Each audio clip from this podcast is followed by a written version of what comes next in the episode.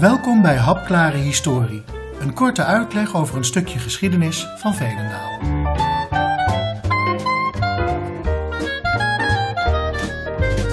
Deze lezing gaat over de komst van de trein in Veenendaal. 175 jaar Veenendaal, de Klomp.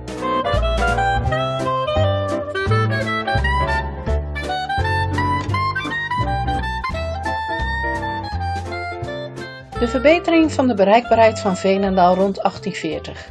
Daar gaat het deze keer over.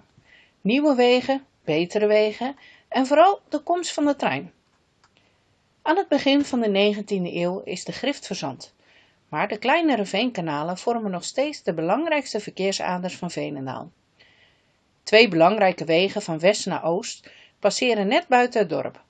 Aan de ene kant de weg ten zuiden van het veenpakket, die we nu nog steeds kennen als de provinciale weg N225, die onder andere Driebergen, Doorn en Amerongen aandoet.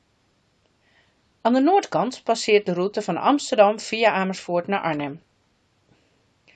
Ook een gedeelte van die weg wordt tot op de dag van vandaag gebruikt. De provinciale weg N224 langs de klomp. Na het vertrek van de Fransen in 1813 neemt de nieuwe rijksoverheid een aantal maatregelen om de economie van het verarmde Nederland te stimuleren. Een van deze maatregelen is de verbetering van de infrastructuur. Kanalen, wegen en spoorlijnen worden aangelegd en verbeterd. En ook Veenendaal krijgt hiermee te maken. De wegen van west naar oost worden verhard en krijgen de status Rijksstraatwegen der eerste klasse. Er komt een zogeheten paardenposterij aan de klomp. En dat zijn stallen waar altijd paarden klaarstaan voor eilbodes. Het Ingense veer aan de Rijn bestaat dan al tientallen jaren en dat is belangrijk voor verkeer vanuit de Betuwe naar Veenendaal en verder naar de Veluwe. Bijenhouders die de Veenendaalse bijenmarkten bezoeken zijn blijkbaar een belangrijke doelgroep voor de veerpont, want ze staan zelfs apart vermeld op een tarievenlijst uit 1821. Het duurt dan ook niet lang voor de ondernemende particulieren de mogelijkheden zien van de route tussen het Ingenseveer en de paardenposterij. Of anders gezegd, van de weg van de noordelijke Rijksstraatweg naar de zuidelijke Rijksstraatweg. Een aantal ondernemers beleggen in een nieuwe verharde tolweg. De route loopt dwars door Veenendaal over de nieuwe weg via de Hoofdstraat en de Kerkenwijk. Door de Hoofdstraat loopt dan nog een kanaal met twee smalle wegen ernaast en dat blijkt een obstakel voor het toenemende verkeer. Met een lening van 18.000 gulden van de overheid en een subsidie van 2000 gulden van de provincie Utrecht kan het kanaal gedempt worden en zo ontstaat de huidige hoofdstraat met een rijbaan van 5 meter breed. En in 1844 is de hele weg gereed. De eerste spoorlijn tussen Amsterdam en Haarlem wordt geopend in 1839. Zes jaar later volgt het traject Amsterdam-Arnhem. Het gemeentebestuur van Veenendaal begrijpt al vroeg dat dit traject veel goed zou kunnen brengen voor het dorp. Ze vragen specifiek om een aanlegplaats voor de trein, die ook geschikt moet zijn voor het laden en lossen van goederen uit de Betuwe. Het eerste gedeelte van de lijn wordt in 1843 aangelegd en telkens een stuk verlengd. En op 15 maart 1845 is de lijn klaar tot aan de klomp en op die datum wordt station Veenendaal de Klomp geopend. Dat is inmiddels 175 jaar geleden. Vrij bijzonder als je bedenkt dat plaatsen als Amersfoort en Zwolle nog zo'n 20 jaar moesten wachten op een eigen station. De opening wordt feestelijk gevierd.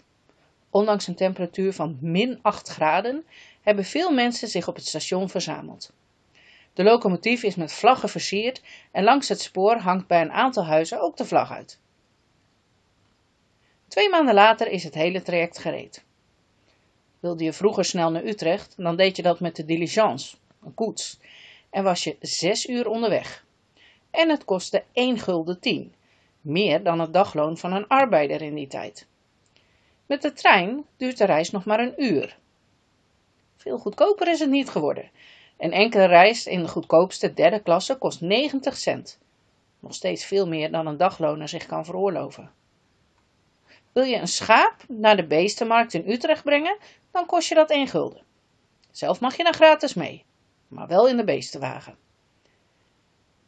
In de eerste jaren zijn er dan ook niet zo heel veel passagiers, zo'n 20 per dag. Maar wat goederenvervoer betreft neemt Veenendaal de Klomp rond 1850 al de vierde plaats in, na de steden Amsterdam, Utrecht en Arnhem. En al snel ontstaan er nieuwe verbindingen met het station. Zo laat een zekere Van Altena drie keer per dag een diligence van de markt naar het station rijden. Ook vanuit Amersfoort en Renen worden diligence-diensten opgezet naar het nieuwe station. Gaan er in het begin slechts drie treinen per dag, een jaar later is dat al verdubbeld. En in 1868 stoppen er elf treinen per dag, waarvan drie uit Duitsland. Het tracé van de spoorlijn leidt tot een aantal drastische veranderingen in het landschap. Vanwege de drassige grond wordt de spoorbaan bij de klomp op een verhoogde dijk aangelegd. Even verderop doorsnijdt de spoorlijn het fort aan de buurt Steeg, in de 18e eeuw aangelegd als een belangrijk onderdeel van de Grebbelinie. En de Emmekhuizenberg wordt doorgraven, omdat dat makkelijker is dan de spoorweg er overheen te laten lopen. Reeds voor de komst van de trein werkt al zo'n 70% van de Veenendaalse bevolking in de wolnijverheid. Gezinnen spinnen en weven thuis. Twee ondernemers, Steven van Schuppen en burgemeester van de Pol, nemen een aantal van deze huisspinners en wevers in dienst en zo ontstaan de eerste fabrieken. Door de komst van de spoorwegen wordt de toevoer van grondstoffen makkelijker en is het ook makkelijker om afzetmarkten te bereiken. En zo komt de industrialisering van Veenendaal langzaam op gang.